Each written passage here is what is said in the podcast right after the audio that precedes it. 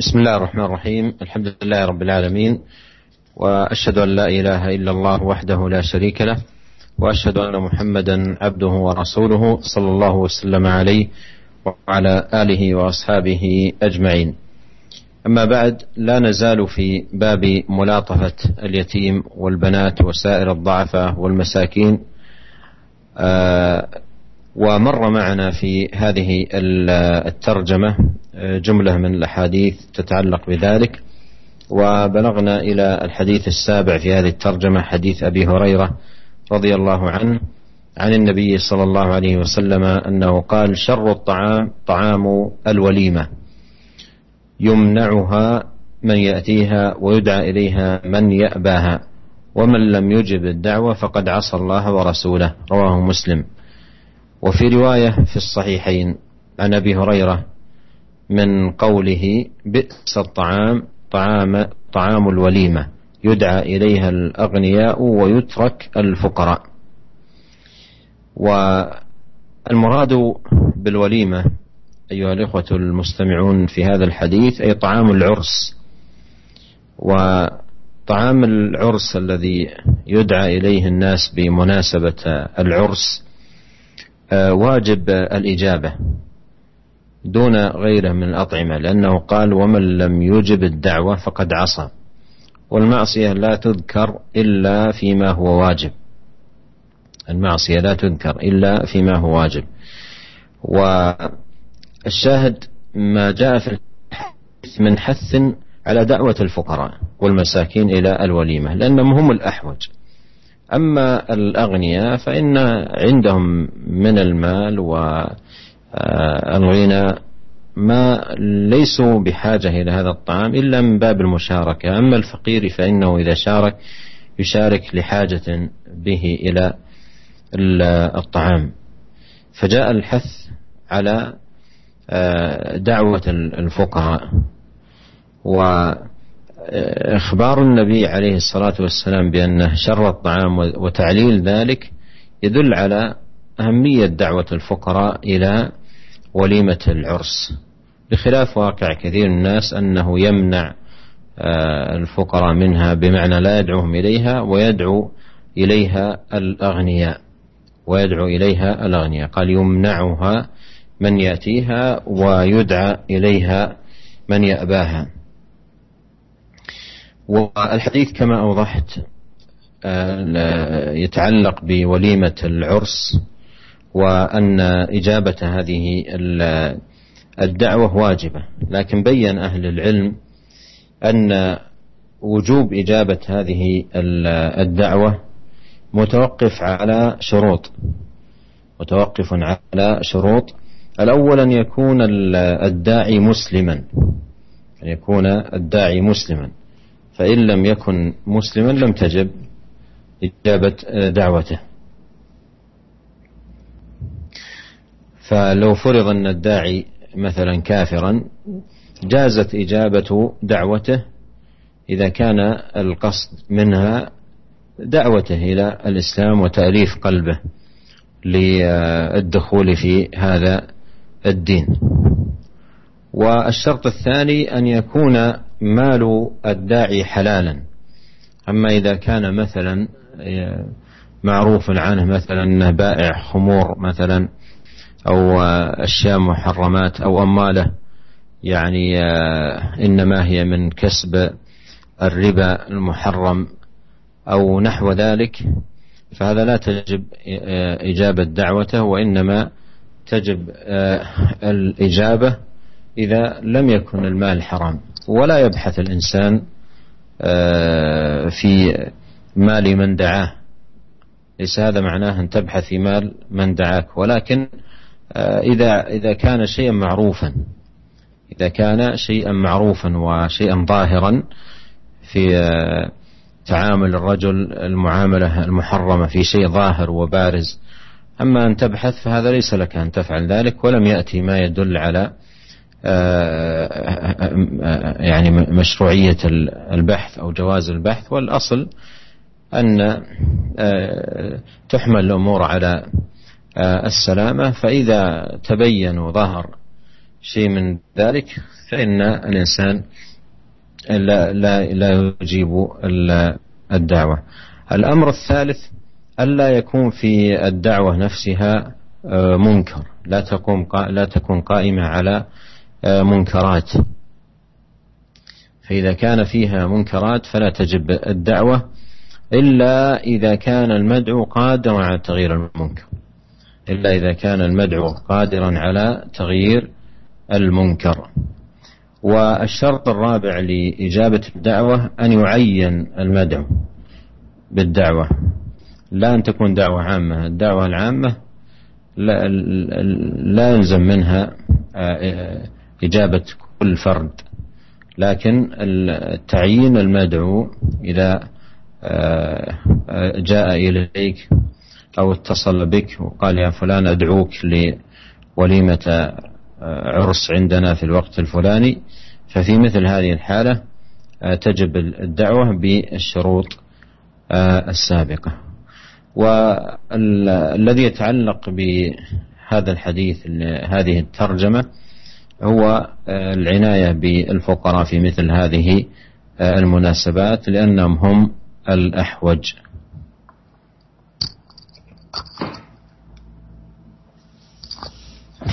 Bismillahirrahmanirrahim. Alhamdulillah segala puji bagi Allah Subhanahu wa taala, Rabb semesta alam. Aku bersaksi bahwasanya tidak ada sesembahan yang berhak disembah kecuali Allah. Tidak ada sekutu baginya dan aku bersaksi bahwasanya Muhammad adalah hamba dan juga kaumnya. Semoga salawat dan salam senantiasa Allah SWT eh, limpahkan kepada beliau, keluarga beliau dan sahabat-sahabat beliau semuanya. Para pendengar yang dimuliakan oleh Allah SWT, masih kita bersama bab e, berlemah lembut kepada anak-anak yatim dan juga anak-anak perempuan dan orang-orang yang lemah dari kalangan kaum muslimin dan juga berbuat baik kepada mereka. Dan telah berlalu bersama kita beberapa hadis yang e, berkaitan dengan bab ini dan sampailah kita kepada hadis yang ke-7 yaitu hadis Abu Hurairah radhiyallahu anhu dari Nabi sallallahu alaihi wasallam bahwasanya beliau bersabda seburuk-buruk jamuan adalah jamuan yang tidak diundang di situ orang-orang yang ingin mendatanginya. Dan diundang kepadanya orang-orang yang enggan untuk mendatanginya. Dan barang siapa yang tidak memenuhi undangan maka sungguh dia telah berbuat maksiat kepada Allah dan Rasulnya. Hadis ini diriwayatkan oleh Imam Muslim. Kemudian di dalam riwayat riwayat yang lain di dalam Sahihain dari Abu Hurairah radhiyallahu anhu bahwasanya Rasulullah sallallahu alaihi wasallam bersabda seburuk-buruk makanan adalah makanan walimah yang diundang kepadanya orang-orang kaya dan tidak diundang orang-orang fakir, ya orang-orang miskin. Para pendengar yang dimuliakan oleh Allah Subhanahu wa taala yang dimaksud dengan al-walimah di dalam hadis ini adalah uh, walimatul urs yaitu undangan pernikahan dan memenuhi undangan pernikahan ini adalah hukumnya uh, wajib dan Rasulullah SAW di dalam hadis ini mengatakan bahwasanya barang siapa yang tidak memenuhi undangan yang maksudnya adalah uh, undangan pernikahan maka sungguh dia telah berbuat maksiat kepada Allah dan Rasulnya. Ini menunjukkan kepada kita tentang e, wajibnya memenuhi undangan e, pernikahan. Kemudian di dalam hadis ini ada anjuran kepada kita semua untuk mengundang juga orang-orang fukara, ya orang-orang yang lemah, orang-orang yang fakir. Karena mereka ini lebih butuh ya untuk kita undang karena mereka uh, nah karena mereka ini lebih butuh untuk kita undang daripada orang-orang yang kaya. Di mana kalau orang kaya ini mereka sudah cukup ya sudah memiliki kecukupan dalam masalah makanan dalam, dalam masalah minuman sehingga uh, mereka tidak terlalu butuh. Ya, adapun orang-orang yang fukara, orang-orang yang miskin maka mereka uh, sangat membutuhkan yang dinamakan dengan makanan dan juga minuman yang tentunya banyak disediakan di dalam acara-acara uh, uh, pernikahan seperti ini. Kemudian uh, sabda beliau sallallahu alaihi wasallam ya tentang uh, sabda beliau syarrut ta'am ta'amul walimah ya seburuk-buruk makanan atau sejelek-jelek makanan adalah uh, makanan al-walimah ini menunjukkan tentang pentingnya mengundang orang-orang yang fakir ya orang-orang yang miskin. Uh, berbeda dengan yang dilakukan oleh sebagian orang di mana mereka lebih mengutamakan mengundang orang-orang yang kaya daripada mengundang orang-orang yang miskin. Dan e, sekali lagi hadis ini berkaitan dengan e, undangan e, walimatul urs ya walimah pernikahan dan bahwasanya hukumnya adalah wajib dan e, para ahlul ilm ini menerangkan bahwasanya e, kewajiban untuk memenuhi undangan pernikahan ini e, berkaitan dengan empat syarat. Jadi seseorang wajib e, memenuhi undangan pernikahan dengan empat syarat ya. Yang pertama yang mengundang adalah seorang muslim. Sebaliknya apabila yang mengundang adalah bukan orang muslim, non muslim, maka tidak wajib untuk memenuhi undangannya. Dan e, apabila yang mengundang adalah seorang yang kafir, maka seorang muslim boleh untuk mendatangi undangan tersebut dengan maksud untuk taklif yaitu untuk e, mengajak dia kepada Islam atau me melembutkan hatinya supaya bisa menerima agama agama Islam dan masuk ke dalamnya. Kemudian syarat yang kedua, harta yang di, yang dimiliki oleh yang mengundang ini diketahui adalah harta yang halal.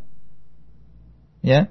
Tapi apabila orang yang mengundang terkenal bahwasanya dia bermuamalah dengan muamalah yang haram, mendapatkan harta dengan cara yang haram seperti misalnya terkenal sebagai penjual khamr misalnya atau penjual minuman keras atau misalnya dia banyak bermuamalah dengan riba maka yang demikian itu tidak wajib untuk memenuhi undangannya. Dan ini bukan berarti kita disuruh untuk mencari-cari ya untuk meneliti ya apakah harta orang yang eh, mengundang kita ini halal atau haram Bukan maknanya demikian. Akan tapi kalau sesuatu itu adalah sesuatu yang zahir, ya orangnya sudah memang terkenal demikian, ya, mata pencahariannya adalah uh, mata pencaharian yang haram, maka dalam keadaan demikian kita tidak boleh uh, mendatanginya, ya tidak boleh kita mendatanginya. Jadi uh, dan di sana tidak ada dalil satupun yang me mengajak kita atau mendorong kita untuk mencari-cari, ya mencari-cari. Jadi asalnya uh, uh, dalam diri seorang muslim ada adalah as-salamah yaitu selamatnya dia dari dari tuduhan. Jadi selama dia tidak kelihatan yang memiliki mata pencaharian yang haram maka pada asalnya adalah halal. Kemudian yang ketiga, syarat yang ketiga adalah e, di dalam undangan tersebut ya tidak ada kemungkaran. Ya, apabila ter, ter, terdapat kemungkaran di dalam e, acara tersebut maka seseorang muslim tidak boleh mendatanginya kecuali dia datang dan mampu untuk mengubah kemungkaran tersebut. Ya dalam keadaan demikian maka boleh baginya untuk mendatangi e, walimah tersebut. Kemudian yang keempat adalah undangannya khusus. Artinya apa? Artinya orang yang mengundang langsung menyebutkan namanya atau telepon ya kepada orang yang diundang dan e, diberikan waktu apa di, di, diberitahu tentang waktu tertentu ya undangannya dan disebutkan namanya. Ya maka ini adalah undangan khusus. Adapun undangan yang umum yang sifatnya umum maka e, ini tidak wajib untuk di, didatangi.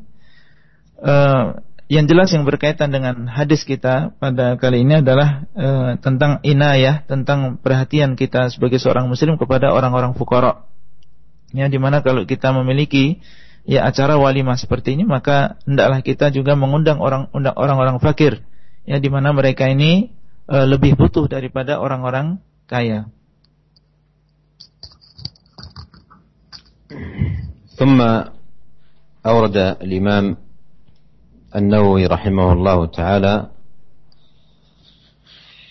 حديث أنس بن مالك رضي الله عنه أن النبي صلى الله عليه وسلم قال من عال جاريتين حتى تبلغ جاء يوم القيامة أنا وهو كهاتين. وضم أصابعه رواه مسلم. قال جاريتين أي بنتين.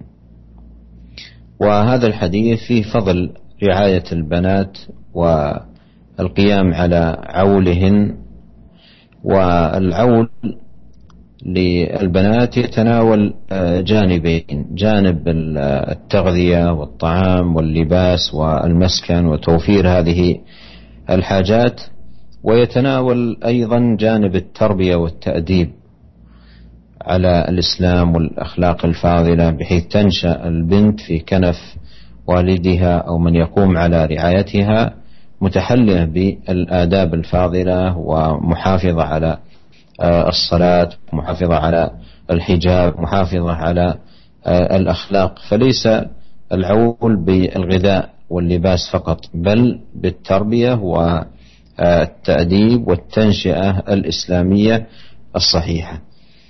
فمن عال جاريتين حتى تبلغا والمراد بالبلوغ سن الخامسة عشرة أو ظهور شيء من علامات آه، البلوغ المعروفة جاء يوم القيامة أنا وهو كهاتين. وهذا فيه فضل عظيم جدا لمن يقوم بهذا الأمر. فشاهد الحديث الترجمة أن فيه آه، رعاية البنات وعولهن والعناية بتربيتهن والإحسان إليهن لما في ذلك من أجر Hadis yang selanjutnya adalah hadis Anas bin Malik radhiyallahu anhu. Dari Nabi sallallahu alaihi wasallam yang beliau bersabda barang siapa yang memberi nafkah dua anak wanita sampai dia dewasa maka dia datang pada hari kiamat sedangkan aku dan dia seperti dua jari ini. Kemudian beliau sallallahu alaihi wasallam merapatkan jari jemari beliau. Hadis ini diriwayatkan oleh Imam Muslim dan berkata Imam Nawawi jariyatain maksudnya adalah dua anak wanita.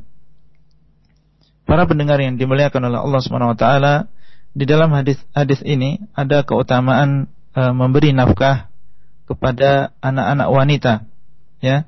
Dan yang dimaksud dengan memberi nafkah di sini bukan hanya berkaitan dengan masalah makanan, ya, minuman atau pakaian dan juga tempat tinggal, akan tetapi juga mencakup tarbiyah. Ya, tarbiyah Islamiyah yang mendidik ya anak tersebut, anak wanita tersebut sehingga memiliki uh, akhlak yang utama. Ya, dia menjaga salatnya, menjaga hijabnya, beradab dengan adab yang islami, ya. Jadi yang namanya al-aul di sini uh, memberi nafkah di sini bukan hanya berkaitan dengan uh, masalah makanan dan juga tempat tinggal, akan tapi juga berkaitan dengan tarbiyah. Kemudian sabda beliau sallallahu alaihi wasallam hatta tablugha maksudnya adalah sampai dewasa. Yaitu sudah memiliki alamat-alamat atau ciri-ciri kedewasaan. Yang di antaranya adalah misalnya berumur 15 tahun atau ciri-ciri yang yang lain. Kemudian sabda beliau kahata ini ya seperti dua jari jemari ini. Ya ini menunjukkan tentang uh, fadl ya keutamaan orang yang melakukan amal ini yaitu memberikan memberi nafkah kepada dua orang anak wanita sampai dia dewasa ya maka kedudukannya sangat dekat dengan uh, Rasulullah sallallahu alaihi wasallam. Dan uh, syahid dari hadis ini bahasanya di dalam hadis ini Rasulullah SAW mendorong kita semua untuk uh, berbuat baik kepada uh, anak wanita ya dan berlembah lembut kepada mereka. Dan uh, bahwasanya di dalamnya terdapat uh, pahala yang agung. ثم أورد رحمه الله حديث عائشة رضي الله عنها قالت دخلت علي امرأة ومعها ابنتان لها تسأل فلم تجد عندي شيئا غير تمرة واحدة فأعطيتها إياها فقسمتها بين ابنتيها ولم تأكل منها ثم قامت فخرجت فدخل النبي صلى الله عليه وسلم علينا فأخبرته فقال من ابتلي من هذه البنات بشيء فأحسن إليهن كن له سترا من النار متفق عليه. وعن عائشة رضي الله عنها قالت جاءتني مسكينة تحمل ابنتين لها فأطعمتها ثلاث تمرات فأعطت كل واحدة منهما تمرة ورفعت إلى فيها تمرة لتأكلها. فاستطعمتها ابنتها فشقت التمرة التي كانت تريد أن تأكلها. فأعجبني شأنها فذكرت الذي صنعت لرسول الله صلى الله عليه وسلم فقال إن الله قد أوجب لها بها الجنة أو أعتقها بها من النار. رواه مسلم.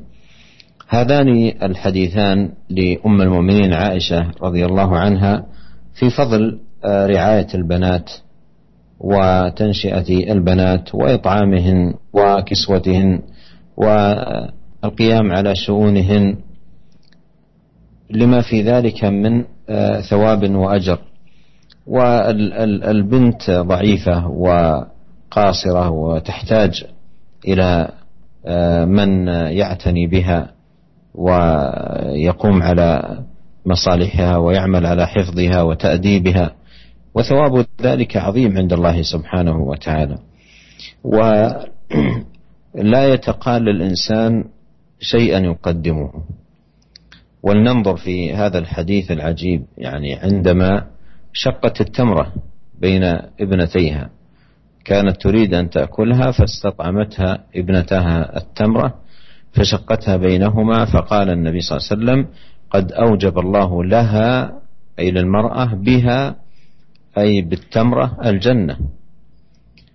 فأوجب لها بتمرة فقال قالت أو أو أعتق بها أو أعتقها أي المرأة بها من النار أي بالتمرة.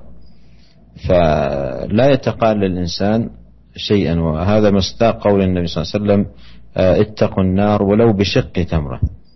فهذه المرأة اتقت النار بشق تمرة.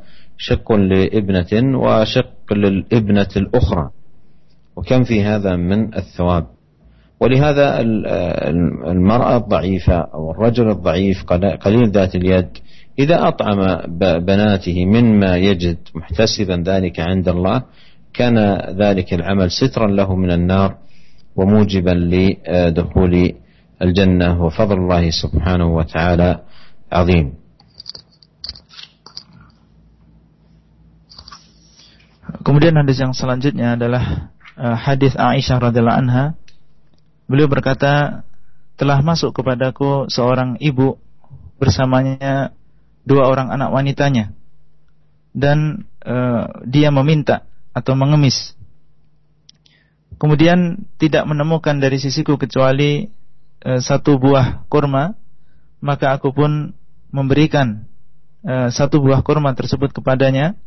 Kemudian ibu tersebut membelah satu buah kurma itu menjadi dua dan diberikan kepada dua orang anak wanitanya, sedangkan dia sendiri tidak ikut memakan buah kurma tersebut. Kemudian dia berdiri dan keluar. Maka masuklah Rasulullah sallallahu alaihi wasallam. Maka aku pun mengabarkan kepada beliau tentang apa yang terjadi. Maka beliau sallallahu alaihi wasallam mengatakan atau bersabda barang siapa yang diberi cobaan anak-anak wanita kemudian dia tetap kemudian dia tetap berbuat baik kepada mereka niscaya mereka akan menjadi hijab ya akan menjadi penghalang baginya dari api neraka Hadis ini muttafaqun alaih. Kemudian hadis yang selanjutnya dari Aisyah radhiyallahu anha, beliau berkata, telah datang kepadaku seorang ibu yang miskin dengan membawa dua anak wanitanya, maka aku pun memberi makan dia dengan tiga buah kurma.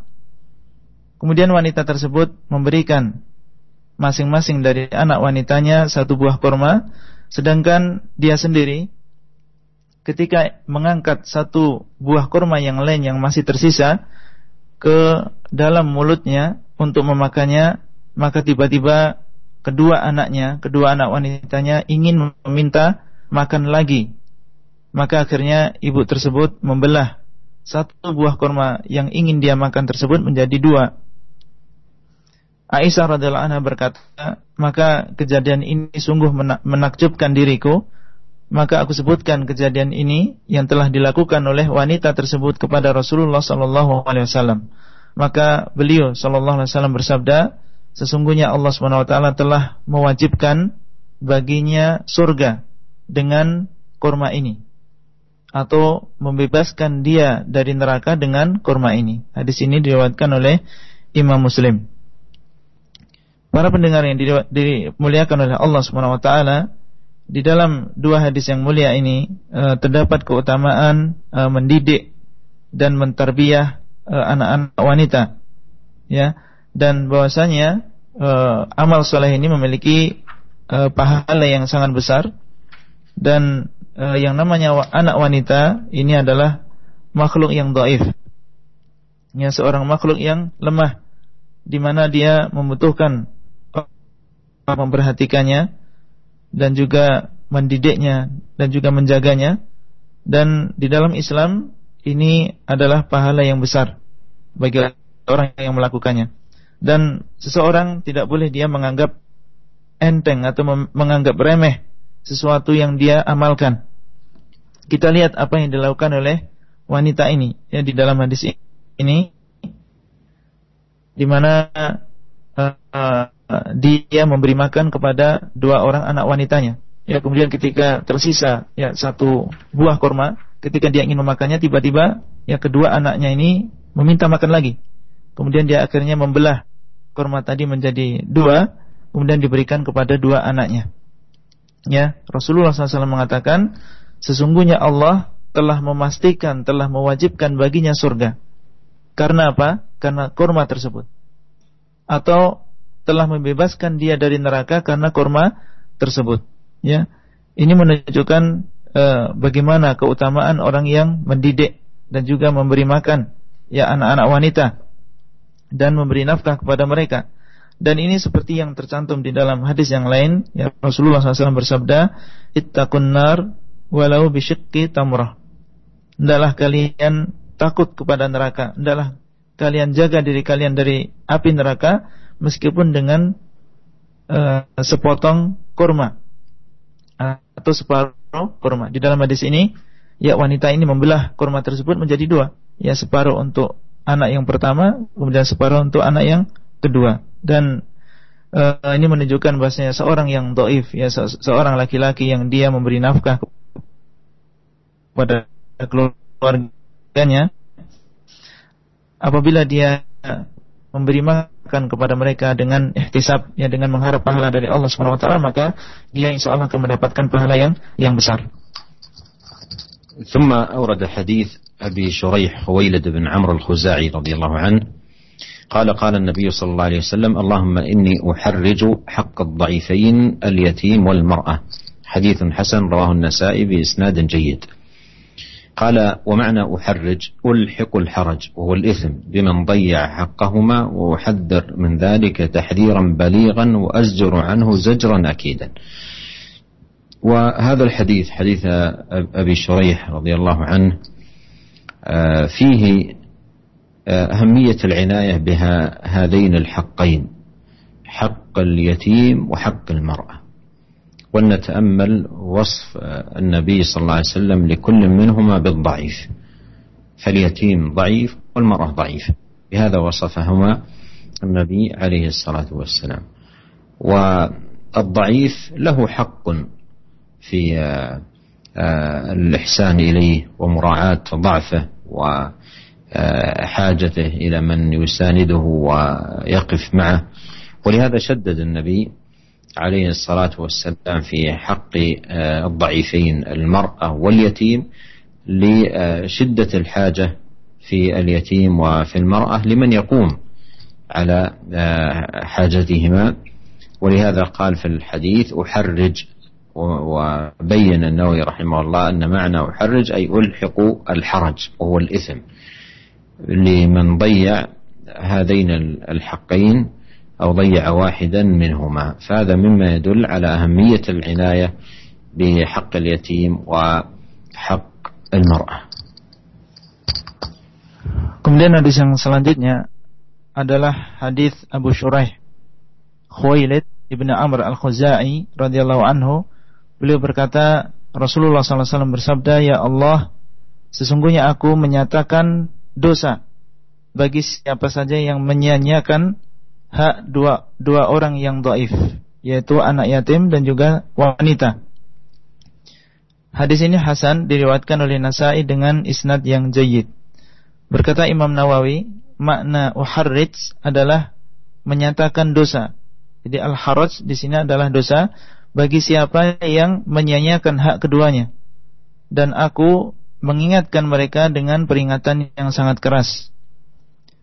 Para pendengar yang dimuliakan oleh Allah SWT di dalam hadis ini ada uh, keterangan tentang pentingnya kita memperhatikan, memperhatikan hak dua golongan di antara golongan-golongan manusia di mana dua golongan ini adalah dua golongan yang lemah ya yaitu golongan yang pertama adalah anak yatim kemudian yang kedua adalah wanita.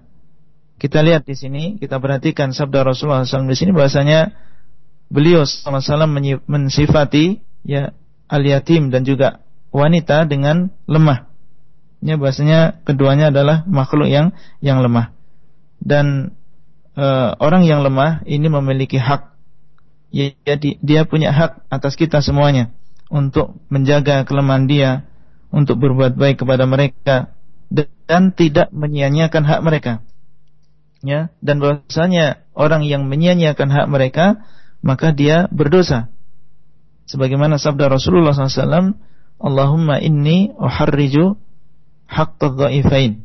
Ya, beliau mengatakan, Ya Allah, sesungguhnya aku menyatakan dosa bagi orang yang menyia-nyiakan hak dua orang yang yang dhaif yaitu anak yatim dan juga wanita. Dan ini menunjukkan kepada kita tentang pentingnya kita e, memperhatikan hak mereka berdua.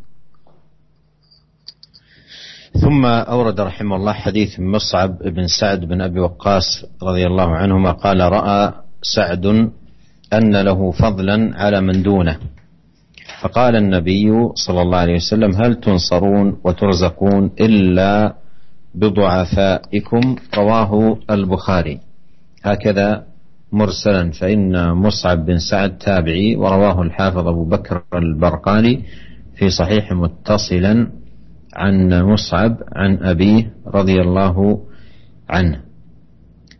وقوله آه، في في هذا الحديث أنه رأى آه، أن له فضلا على من دونه. الفضل هو الزيادة يعني رأى آه، رفعة آه، على من دونه. فلما قال ذلك رضي الله عنه قال النبي صلى الله عليه وسلم هل تنصرون وترزقون إلا بضعفائكم؟ فبين فضل الضعفاء وأن النصر والرزق بالضعفاء لما لهم من مكانة في رقة قلوبهم وإقبالهم على الله وحسن دعائهم لله سبحانه آه، وتعالى مثل ما جاء في الحديث رب أشعث أغبر ذي طمرين مدفوع بالأبواب لو أقسم على الله لأبره قد مر معنا قريبا Kemudian hadis yang selanjutnya adalah hadis Mus'ab Ibnu Sa'ad bin Abi Waqqas radhiyallahu anhuma beliau berkata Sa'ad bin Abi Waqqas menganggap bahwasanya beliau memiliki jasa daripada atau di atas orang-orang yang lebih rendah dari dari beliau. Maka e, Rasulullah SAW bersabda, tidaklah kalian ditolong dan diberikan rezeki kecuali karena orang-orang yang, yang lemah di antara kalian. Demikianlah hadis ini diriwayatkan oleh Imam Bukhari dengan mursal karena sungguhnya Mus'ab bin Sa'ad adalah seorang tabi'i dan Al-Hafidh Abu Bakar Al-Barqani meriwayatkan di dalam sahihnya secara muttasil secara bersambung dari Mus'ab dari bapaknya radhiyallahu anhu. Para pendengar yang dimuliakan oleh Allah Subhanahu wa taala uh, ucapan uh, beliau yaitu ucapan Mus'ab ya fadlan ala man dunahu maksudnya adalah uh, Sa'ad bin Abi Waqqas beliau menganggap bahasanya beliau memiliki keutamaan atau rif'ah ya keutamaan atau tambahan derajat di atas orang-orang yang lebih rendah dari beliau. Maka Nabi SAW yang mengatakan tidaklah kalian ditolong dan diberikan rezeki kecuali karena orang-orang yang lemah di antara kalian. Ya ini menunjukkan e, bahwasanya Nabi SAW menerangkan kepada kita tentang keutamaan orang-orang yang lemah. Ya dan bahwasanya pertolongan dan juga rezeki ini Allah turunkan karena keberadaan orang-orang yang lemah di antara kita ya dan bahwasanya mereka memiliki kedudukan uh, di sisi Allah swt dan uh, uh, mereka adalah orang-orang yang banyak berdoa kepada Allah swt dan telah berlalu ya bersama kita sebuah hadis di mana Rasulullah SAW mengatakan terkadang ya seseorang yang rambutnya kusut ya berdebu kemudian dia tertolak di setiap pintu karena kefakiran dia seandainya dia bersumpah atas nama Allah Subhanahu wa taala, niscaya Allah akan mengabulkan atau akan memenuhi sumpahnya. ثم ختم رحمه الله تعالى هذه الترجمة بحديث أبي الدرداء عويمر رضي الله عنه قال سمعت رسول الله صلى الله عليه وسلم يقول ابغوني الضعفاء فإنما تنصرون وترزقون بضعفائكم رواه أبو داود بإسناد جيد. ومعنى أبوني أي اطلبوا للضعفاء آه، والضعفاء آه، هم الفقراء وأهل العوز والحاجة. وبين النبي عليه الصلاة والسلام أن العناية بهؤلاء الضعفاء سبب لجلب النصر جلب الرزق. وأن الرحمة بالفقراء سبب لنيل رحمة كما جاء في الحديث ارحموا من في الأرض يرحمكم من في السماء. والحديث آه، فيه وكذلك الأحاديث التي قبله رحمة النبي عليه الصلاة والسلام بالضعفاء والفقراء والأيتام وذوي الحاجات وحثه عليه الصلاة والسلام. على العناية بهم. ولا شك أن من اعتنى بهم فإنه بهذه العناية مقتد بالنبي الكريم عليه الصلاة والسلام وله في ذلك الأجر والمثوبة من الله تعالى. نسأل الله أن يوفقنا جميعا لكل خير. Kemudian hadis yang terakhir dalam bab ini adalah hadis Abu Darda Uwaimir radhiyallahu anhu. Beliau berkata, aku mendengar Rasulullah sallallahu alaihi wasallam bersabda, "Carikanlah untukku orang-orang yang lemah. Karena sungguhnya kalian hanya ditolong dan diberikan rezeki karena orang-orang yang lemah di antara kalian." Hadis ini diriwayatkan oleh Abu Dawud dengan isnad yang jayyid. Makna dari ubaguni maksudnya adalah carikanlah untukku. Ya, dan yang dimaksud dengan ad-du'afa, orang-orang yang lemah mencakup di sini ya orang-orang yang uh, fukara, ya orang-orang yang miskin dan juga yang lain. Kemudian uh, di dalam hadis ini Rasulullah SAW menjelaskan kepada kita tentang pentingnya kita memperhatikan ya hak-hak orang-orang yang lemah. Karena sungguhnya memperhatikan eh, hak-hak uh, mereka, menyayangi mereka, menolong mereka adalah sebab ya turunnya pertolongan dari Allah Subhanahu wa taala dan juga sebab datangnya rezeki dan juga e, mendatangkan rahmat dari Allah Subhanahu wa taala. Karena di dalam hadis yang lain Rasulullah SAW mengatakan irhamu man fil ardi yarhamukum man fis sama. Ya, hendaklah kalian menyayangi orang-orang yang di bumi karena sungguhnya Allah Subhanahu wa taala akan menyayangi kalian, maka Allah Subhanahu wa taala akan menyayangi kalian. Dan hadis ini menjelaskan kepada kita kembali tentang uh, kasih sayang ya Nabi sallallahu alaihi wasallam kepada orang-orang yang lemah ya termasuk di antaranya kepada orang-orang yang yatim ya orang-orang yang miskin para janda dan juga yang lain. Dan di dalamnya juga ada dorongan bagi kita semua untuk memperhatikan mereka. Dan e, kalau kita melakukan amal soleh ini berarti kita sudah iktidak ya kita sudah e, mengikuti Nabi SAW dan di dalam e, hal ini tentunya banyak e, pahala yang besar dan kita memohon kepada Allah Subhanahu wa taala semoga Allah Subhanahu wa taala memberikan taufik kepada kita kepada seluruh kebaikan.